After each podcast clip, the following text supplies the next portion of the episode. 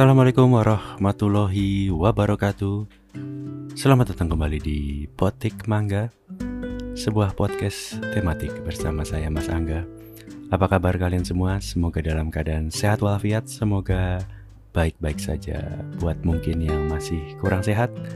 Semoga diberikan kesembuhan amin ya robbal alamin. Uh, Sesuai judul ini adalah sebuah review mengenai sebuah serial di Netflix Uh, berbicara Netflix, gue suka nonton trailer Netflix. Aneh ya. Karena kalau gue nonton YouTube itu kadang-kadang iklan awalnya tuh uh, iklannya tuh seringnya trailer Netflix dan ketika iklan dari sebuah YouTube itu adalah trailer Netflix, gue jarang skip. Biasanya kayak gitu karena gue pengen tahu si Netflix lagi mempromosikan film atau serial terbarunya kayak apa sih, premisnya kayak apa, ceritanya kayak apa dan ketika trailer film ini nongol uh, ketika film eh ketika trailer serial ini nongol gue akuin sih premisnya dan apa namanya trailernya tuh bagus sih menurut gue uh, memancing orang untuk menonton. Dan ketika akhirnya rilis gue tadinya nggak pengen terlalu nonton buru-buru gitu karena ya udahlah uh, nanti-nanti aja waktu itu kalau nggak salah habis Money Heist dia nongolnya. Kebetulan gue juga lagi nungguin Sex Educations dan apa ya satu lagi ya kurang lebihnya gitulah. Jadi ini gue pikir antar aja lah. Sama aja karena nonton di Netflix itu yang membuat orang kadang-kadang ya udah kalau apalagi serial baru ya kecuali lo udah ngikutin dari season 1 terus ini nongol season keduanya lo pengen buru-buru pengen nonton gitu. Sementara kalau serial baru ya nonton sekarang nonton besok ya udah sama aja. Tapi ternyata um, serial ini cukup viral. Hype-nya luar biasa uh, viral dalam beberapa hari setelah rilis dan akhirnya ya sudah. Karena ya sepertinya memang dari awal gue sudah cukup tertarik dan akhirnya gue tonton uh, 9 episode serialnya kita berbicara mengenai The Sweet The Squid Game. 9 episode dalam satu musim habis dalam waktu sehari kalau nggak salah jadi gimana? Sudah nontonkah Anda mengenai Squid Game?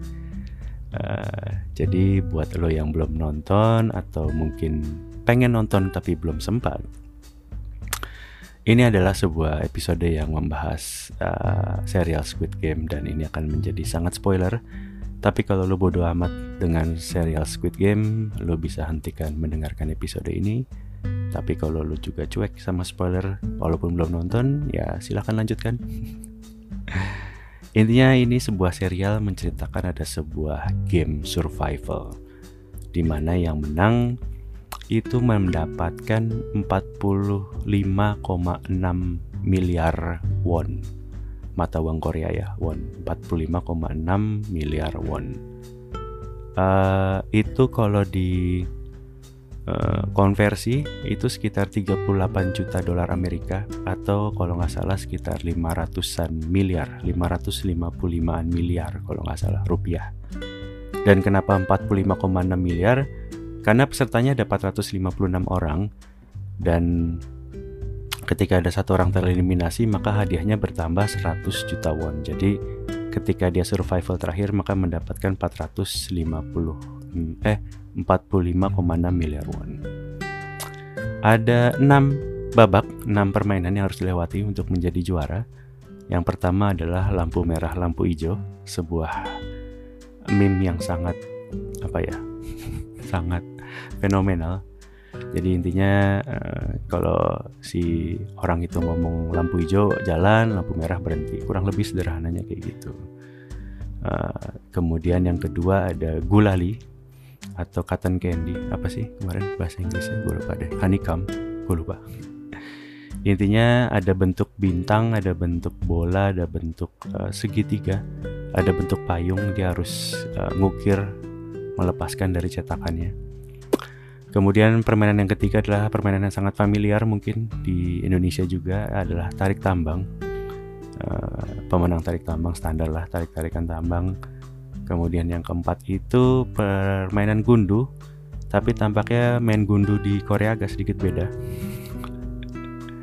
ada yang ya pokoknya lo tonton lah, ada yang eh, permainan empatnya gundu. Kemudian ada jembatan kaca, pertandingan yang kelima. itu suruh ngelewatin kaca kalau kacanya salah maka pecah kalau kacanya bener dia lanjut ke uh, kaca berikutnya itu sebuah episode permainan yang sangat membuat saya deg-degan karena saya takut ketinggian apalagi kalau berdiri di atas kaca yang tinggi jadi kaki agak sedikit gemeteran pada saat episode itu Kemudian yang keenam itu Squid Game-nya. Jadi sesuai judul yang keenam itu adalah Squid Game. Squid Game itu kurang lebihnya kayak gobak sodor lah, kayak galasin kalau di Indonesia. Jadi lo harus melewati orang. Tapi kalau gobak sodor itu kan kalau lo kena maka lo kalah atau lo mati gitu ya. Kalau di Squid Game ini lebih sedikit eh, bedanya jauh ya ada kontak fisik jadi boleh kontak fisik pas lo harus ngelewatin orang itu gitu kurang lebih Uh, aturan permainannya juga sederhana di tiap babak. Jadi lo nggak boleh berhenti kalau udah main. Lo nggak boleh nolak permainannya dan kalau lo mau berhenti, semua peserta mayoritasnya harus setuju voting. Uh, yang jadi plot twist emang ketika para kontestan ini bertanding mereka nggak tahu kalau eliminasi itu artinya kematian. Jebakannya di situ kayaknya. Walaupun ini adalah sebuah premis yang tidak baru pastinya. Dulu kita pernah nonton Battle Royale, uh, apa namanya, sebuah bus membawa anak sekolahan, mereka dikasih senjata terus jadi survival game. Atau di Hollywood, mungkin kita tahu permainan Hunger Games, kurang lebihnya sama, di mana survival mode untuk memenangkan sebuah hadiah, kurang lebihnya sama. Jadi kenapa film ini sangat luar biasa ngetop, sangat viral dan seterusnya dan seterusnya. Karena memang ini adalah sebuah film survival yang menurut gue sangat relate backgroundnya. Kenapa gue bilang begitu? Karena ketika kita ngomongin Hunger Games atau misalnya tadi uh, apa tadi gue bilang Battle Royale atau ada juga tuh yang di Netflix Alice in Borderland itu adalah sebuah uh, film survival dengan background yang kurang relate dengan kehidupan nyata. Artinya kalau Hunger Games itu mm, mereka diundi, terus kemudian secara background tempatnya juga agak fiktif, ada distrik 1, distrik 2 dan seterusnya.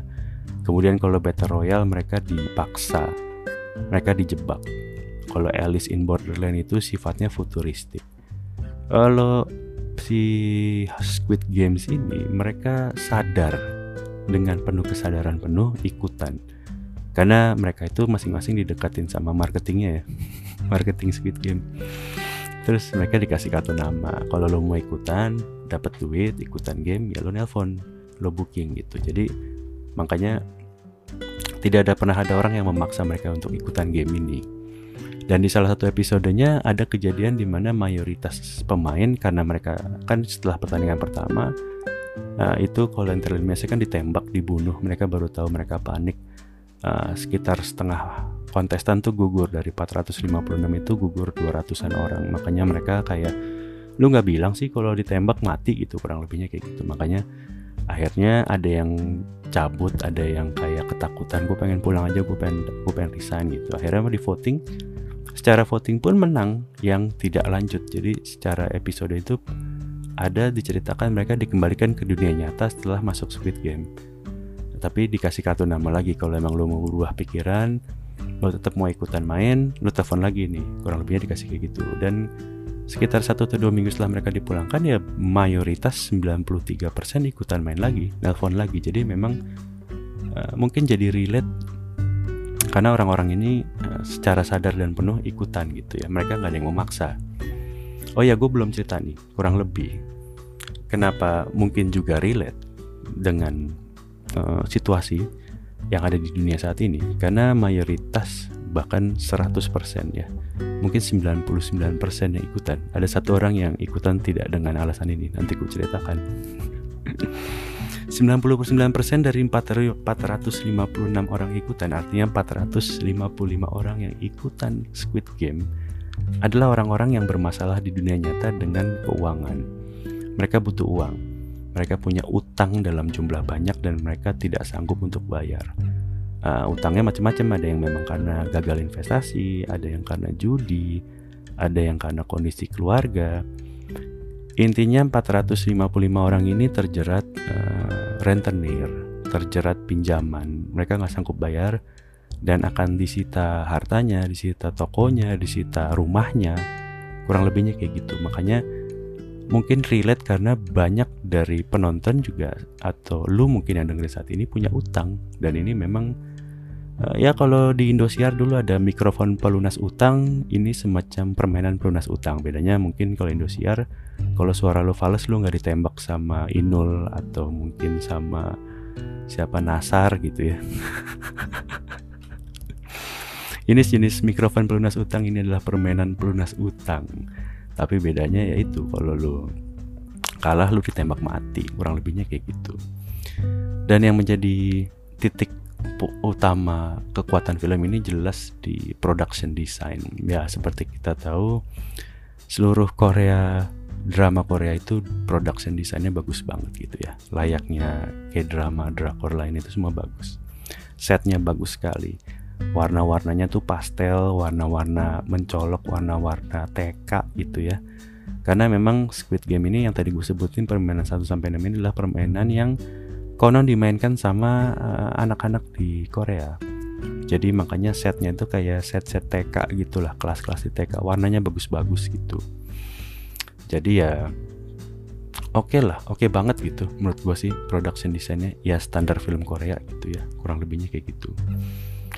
Um, secara overall sih gua sangat menyarankan kalau lu punya waktu buat nonton film ini. Ya um, percayalah gue juga nggak segitunya dengan drakor nggak semua drakor gue tonton artinya mungkin buat lo yang kurang suka drama cinta-cintaan atau mungkin lo yang pengen sedikit ada actionnya ini cukup layak lo tonton menurut gue kalau lo aja sanggup nonton Money Heist dengan bahasa Spanyol atau lo tonton Dark dengan bahasa apa namanya Jerman ya ini sekedar film dengan berbahasa Korea tapi bukan drama-drama, bukan cinta-cintaan. Gue kayaknya nggak inget ada adegan ciuman di 9 episode ini, kayaknya nggak ada. Jadi intinya ini aman lah dari drama-drama cengeng, walaupun harusnya lo ada sedikit haru biru di beberapa scene, cailah. Uh, ada beberapa plot twist, tapi memang seperti drama lainnya yang menang tetap tokoh utama. Satu hal yang gue sebel sebenarnya. Uh, sebenarnya film ini cukup gampang dibaca sebenarnya walaupun segitu ada plot twist ada apa namanya ada hal-hal yang mungkin menurut ya menurut gue juga itu lumayan apa ya eh, kaget tapi paling enggak tokoh utama yang nongol dari awal tetap menang di akhir. Artinya kita semua tahu dia kayaknya nggak akan mati sampai akhir jadi ya begitulah artinya. Yang menang adalah si tokoh utama namanya Gihun dia tetap menang si Money Heist ini eh Money Heist lagi Squid Game. Tapi kalau gue mencoba mengkritik film ini karena seperti review lainnya eh, kalau positif-positif aja tidak menjadi sebuah review ya. Jadi mari kita kritik film ini. Pertama menurut gue sayangnya dengan 8 episode yang cukup bagus uh, endingnya cukup dragging. Sayang banget. Karena memang ya endingnya kita sudah tahu akan bermain Squid Game. Jadi seperti entah gimana entah bagaimana sepertinya uh, penulisnya udah pada mulai males di akhir-akhir. Ya sudahlah kita pokoknya bikin si Gihun lawannya Sangwoo classic match. Jadi ya uh, ya akhirnya mereka berantem akhirnya mereka tusuk-tusukan untuk film untuk untuk permainan terakhir yang Squid Game gitu. Jadi kayaknya intinya pokoknya dari sekitar eh dari 456 pokoknya di game terakhir mesti sisa dua aja. Kenapa? Jadi pokoknya entah gimana nggak boleh ada orang lain nggak bisa sisa bertiga gitu nggak bisa sisa berempat. Pokoknya game terakhir pesertanya harus sisa dua. Menurut gua itu ending yang sangat dipaksakan gitu. Karena si perempuan itu siapa namanya? Saibyok itu matinya terlalu aneh dan tragis gitu untuk sebagai sebuah tokoh utama yang hadir selama lebih 8 episode hmm, secara emosional kita sudah terikat dengan karakter itu matinya gitu doang gitu menurut gua uh, agak aneh dan dipaksakan kayaknya buat sebuah Squid Game yang cuman boleh main berdua gitu. Kalau yang main bertiga gimana? Main berempat, main berlima gitu. Jadi kayaknya oh udahlah pokoknya berdua aja. Sisa terakhir sisa dua gitu. Uh, yang aneh lagi dari cerita ini adalah um, ketika si Gihun itu menang, si menangnya tadi berapa? Gue bilang 45,6 miliar won. Itu jadi setelah dia menang kan uh, dia dikembalikan ke kota. Karena permainan ini ceritanya di sebuah pulau antah berantah lah. Mereka ketika berangkat untuk mengikuti permainan ini mereka dibius matanya ditutup eh, nggak uh, ada yang tahu ini sebenarnya lokasinya di mana dan ketika 455 orang itu tadi mati dan yang menang cuma satu orang Gihun itu kan dikembalikan lagi tuh ke rumahnya gitu ya. Abis itu scene-nya ditulisnya setahun kemudian. Mereka fast forward ke setahun kemudian. Setelah ditaruh si Gihun dikasih ATM isinya 45,6 miliar won. Dia pencet pinnya. Dia tahu lagi pinnya. Pinnya adalah nomor pesertanya dia. Aneh banget sih itu menurut gue juga ada 45,6 miliar won dia cuma ngambil 10 ribu won. Ternyata setahun kemudian duitnya masih utuh. Karena dia dipang ada adegan dia dipanggil bank kalau punya duit nggak dipakai sih? gitu. Kok bisa dia punya duit segitu dan setahun duitnya nggak dipakai? Padahal adegan awalnya di episode 1 kenapa dia sampai mau ikutan Squid Game? Karena dia di uh, apa sih namanya ditagih sama rentenir nggak bisa bayar. Ditagih sama rentenir nggak bisa dibayar. Dia harus dia tanda tangan pakai cap darah. Dalam sebulan dia nggak bisa bayar ya, ginjalnya diambil. Makanya dia sampai pengen ikut si Squid Game ini. Lah sebulan kemudian tuh rentenir kagak nagih. Kok duitnya masih utuh? Harusnya dia udah bayar tuh uangnya si rentenir paling nggak utangnya doang tuh dia bayar. Kalau emang dia nggak mau pakai bayar dia nggak mau pakai uang itu harusnya dia bayar utang dia paling tidak. Karena adegan itu nggak ada nada gitu. Gue juga nggak ngerti sih. Dan harusnya juga kayak si Sangwu ibunya tokonya disita terus adanya Saibyok harusnya nggak ada di panti asuhan itu karena nggak bisa dibahas bayar harusnya kayak gitu-gitu sih. Artinya buat dia duitnya masih utuh selama setahun nggak membayar. Karena intinya dari uh, intinya dari apa namanya intinya dari serial ini adalah dia cari duit buat membayar utang-utangnya. Dan dia ada keterikatan emosional dengan para peserta lainnya. Ketika kalau lu menang lu bayarin ya bantu bayarin utang gua ya. Lu bayarin bantu utang gua ya kurang lebihnya kayak gitu. Kok bisa setahun kemudian duitnya masih utuh gitu? Itu menurut gua agak pertanyaan juga sih kayak gitulah kurang lebih kalau lu bertanya kenapa di cerita ini kok kayaknya duitnya utuh gitu? Karena ada dua hal. Pertama pada saat si Gihun itu balik ke rumah dengan punya uang sebanyak itu ternyata sampai rumah ibunya meninggal. Jadi dia kayak merasa duit gue banyak tapi nyokap gue meninggal. Kedua mungkin dia merasa bersalah dia menang atas duit haram lah kurang lebihnya gitu duit berdarah gitu. Walaupun emang aneh sih Gihun ini sebagai karakter menurut gue inkonsisten kenapa inkonsisten pertama dari awal tuh penceritanya dia punya duit uh, dia sorry dia dia nggak punya duit dia bahkan sampai nyolong ATM nyokapnya buat judi kuda dia adalah sebuah toko yang harus yang harusnya moralnya bobrok. Terbukti bahwa dia sempat main curang di Gundu. Ya, pada intinya dia punya enam permainan, salah satu permainan dia curang. Artinya dia karakter yang sebenarnya moralnya bobrok ketika dia dapat duit kenapa moralnya jadi bagus gitu itu menurut gue inkonsisten um, kemudian yang mungkin gue mungkin gue kritisi adalah ada karakter polisi di mana polisi itu menyelundup ke arena permainan untuk mencari kakaknya. Itu tidak jelas maksud dan tujuannya karena terakhirnya pada saat dia tahu kakaknya adalah yang menjalankan permainan ini. Kakaknya adalah sejenis jenderal di permainan inilah, tangan kanan yang punya permainan ini, tangan kanan orang kaya yang menjalankan permainan ini. Terus apa gitu setelah dia ketemu sama si polisi, dia ketemu sama kakaknya, kita nggak pernah tahu juga kenapa si kakaknya akhirnya jadi karyawan dari Squid Game. Terus yang mungkin gue agak nggak jelas nih, mungkin gue nontonnya kurang konsentrasi atau gimana. Itu sebuah cerita di mana ada salah satu peserta itu adalah dokter. Jadi kalau ada peserta yang mati, si dokter ini ngambil organnya kayak ginjal, hati, mata, seterusnya buat dijual sama si karyawannya Squid Game gitu. Kok bisa sih? Uh, artinya maksud gue, kok bisa ada si dokter ini yang bisa uh, jualan organ apa segala macam segala macam gitu. Dia tahu dari mana si dokter ini? Kok bisa karyawan ini tahu kalau dia dokter gitu? Kok bisa dari tahu dari mana gitu?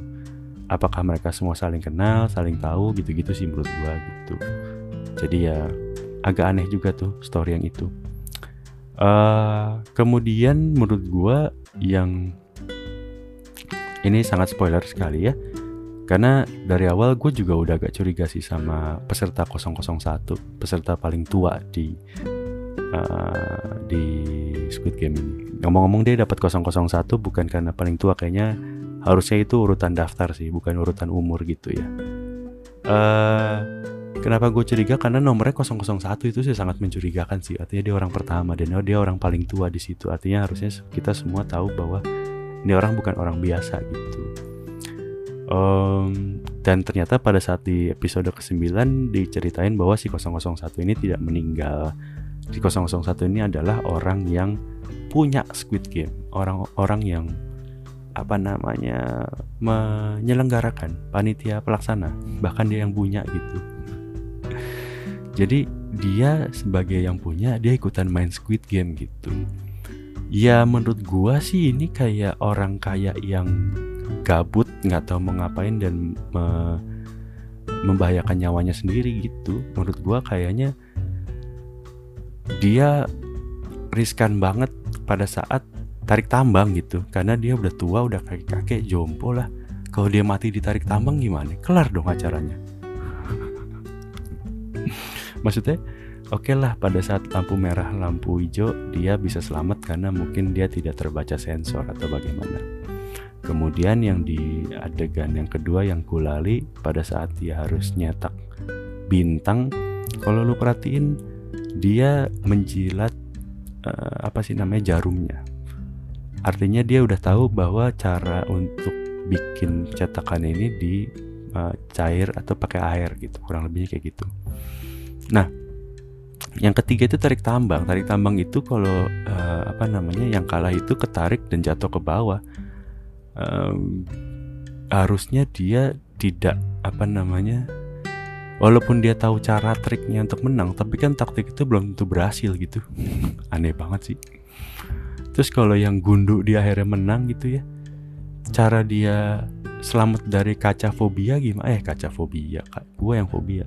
Selamat dari jembatan kaca itu gimana gitu? Aneh banget sih menurut gue tuh. Uh, bahwa dia jadi peserta tapi menurut gue sih aneh banget sih.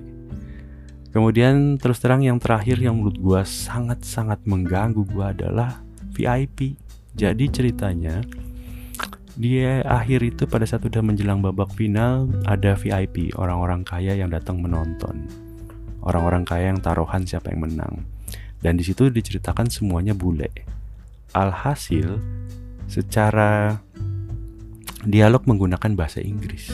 Masalahnya, gue nggak tahu siapa yang nulis skripnya. Skripnya itu baku banget, aneh banget. Sok-sokan skrip bahasa Inggris yang British, tapi menurut gue nggak cocok. Bahasa Inggrisnya itu kaku. Dan si VIP ini semua pakai topeng kan, karena tidak boleh diketahui identitasnya. Menurut gue sih, si VIP VIP ini kalau itu sejenis bule-bule guru lia gitulah, guru-guru ILP yang ada di Korea gitu. Sejenis backpacker Bali gitu. Bule-bule jaksa, guru bahasa Inggris dikumpulin di di apa namanya di casting. Karena bahasa Inggrisnya jelek banget sih, asli. Mendingan maksud gua ya VIP itu nggak harus melulu bule menurut gua. Bisa aja misalnya katakanlah ya ya orang Korea juga atau mungkin orang Asia atau bagaimana gitu menurut gue sih uh, ini sebuah hal yang sangat dipaksakan um, tapi sih menurut gue secara kesimpulan ini sebuah serial yang mungkin sangat layak ditonton. Yang tadi gue bilang secara premis cukup menarik secara background cerita sangat relatable dengan kehidupan sehari-hari dan apa namanya kehidupan nyata. Kemudian secara production design ya drakor gua jamin gambarnya bagus settingnya bagus gitu kurang lebihnya. Dan ini juga menurut gue gue nggak tahu apakah gue pernah lihat ada drakor yang uh, apa namanya uh, aktornya tuh orang India apa orang Pakistan gitu. Ada satu orang namanya Ali di antara seluruh Asia atau seluruh Korea gitu ya. Dia satu itu yang beda sendiri. Agak aneh juga tuh. Tapi menurut gue season 2 sih belum tentu ada katanya. Kata si direkturnya juga katanya belum tentu ada karena katanya secara cerita belum disiapin. Tapi emang apa namanya uh, dengan hype sebagus ini sih kayaknya Netflix agak goblok juga ya kalau nggak bikin season keduanya. Ya berkaca dari seluruh serial Netflix Netflix akan selalu membuat sequelnya selama memang laku. Uh, Money Heist laku dibikin season keduanya. Apa namanya? Ya banyaklah seri serial lain yang memang meledak. Selalu dibikin sequelnya sampai satu titik di mana memang sudah tidak laku lagi kurang lebihnya kayak gitu sih. Makanya banyak menurut gua si director ini juga menurut gua cukup pinter walaupun dia mungkin belum menyiapkan season keduanya ceritanya akan seperti apa tapi terlalu banyak open ending gitu. Artinya buat pengembangan ceritanya masih banyak banget gitu. Kayak tadi polisi yang tembak-tembakan sama kakaknya itu harusnya kayaknya belum mati. Terus di akhir cerita si Gihun itu uh, dia nelpon lagi si Squid Game. Kayaknya dia kayaknya pengen sok-sokan mau membubarkan Squid Game. Gue juga nggak ngerti sih apa motivasinya di mana gitu menurut gue uh, terus kemudian si frontman alias si kakaknya si polisi tadi gitu dia konon adalah pemenang Squid Game tahun berapa gitu. Terus kok sekarang jadi panitia itu juga mungkin sebuah cerita yang bisa digali lagi gitu Uh, kemudian mungkin si Gihun dengan bapak eh dengan kakek 001 gitu apakah nanti ada apa ya hubungan saudara gitu? Karena ternyata diceritakan juga agak aneh juga nih ceritanya menurut gua kenapa ada adegan di mana si kakek ini sama si Gihun ini seolah-olah kayak bapak anak gitu. Di mana adegan yang si Gihun itu alergi susu si bapak itu bilang anakku juga alergi susu. Terus kemudian pada saat ketemu setting main gundu itu mereka merasa mereka rumah yang sama. Tapi kalau mereka bapak atau anak atau kakek atau cucu atau misalnya apa ya saudara lah menurut gue sih kayaknya kok bisa nggak ketemu berapa lama ya itu juga mungkin buat dibahas gitu ya. Um, yang pasti ternyata di Korea atau di K-drama drakor ini menurut gue sebuah serial yang ternyata banyak juga ya orang-orang yang ternyata tidak terlalu cantik dan ganteng gitu ya kalau yang cewek yang cantik lah sih itu yang si Saebyok itu. Uh, sekarang followernya katanya udah jutaan padahal sebelumnya baru puluhan ribu karena viral sedunia ini. Intinya yang lainnya agak seperti engkoh-engkoh Korea biasa gitu ya tidak seperti BTS atau mungkin para K-pop lainnya. Walaupun di akhir si Gihun rambutnya merah aneh banget sih asli aneh banget tapi ketika nanti season kedua nongol pastinya juga sangat dinanti para penggemar karena ini sudah menjadi serial yang sangat hype seluruh dunia. Jadi gue sangat yakin akan ada season kedua dan ketika itu nongol juga pastinya akan menjadi sebuah serial yang sangat ditunggu oleh para uh, penggemar Squid Game di seluruh dunia. Udah, udah kepanjangan, gak jelas. Kalau lu yang gak nonton pasti gak relate. kalau lu yang nonton coba mungkin bisa apa ya gua ada salah mungkin atau misalnya ada yang cerita kurang pas tapi ya kurang lebih tadi keresahan gue seperti itu sih. Kalau ada peserta yang gonta-ganti nomor ya sudahlah nama juga ekstras atau figuran wajar lah. Ya kurang lebihnya begitu. Ya wis thank you for listening. Sampai jumpa di episode berikutnya. Wassalamualaikum warahmatullahi wabarakatuh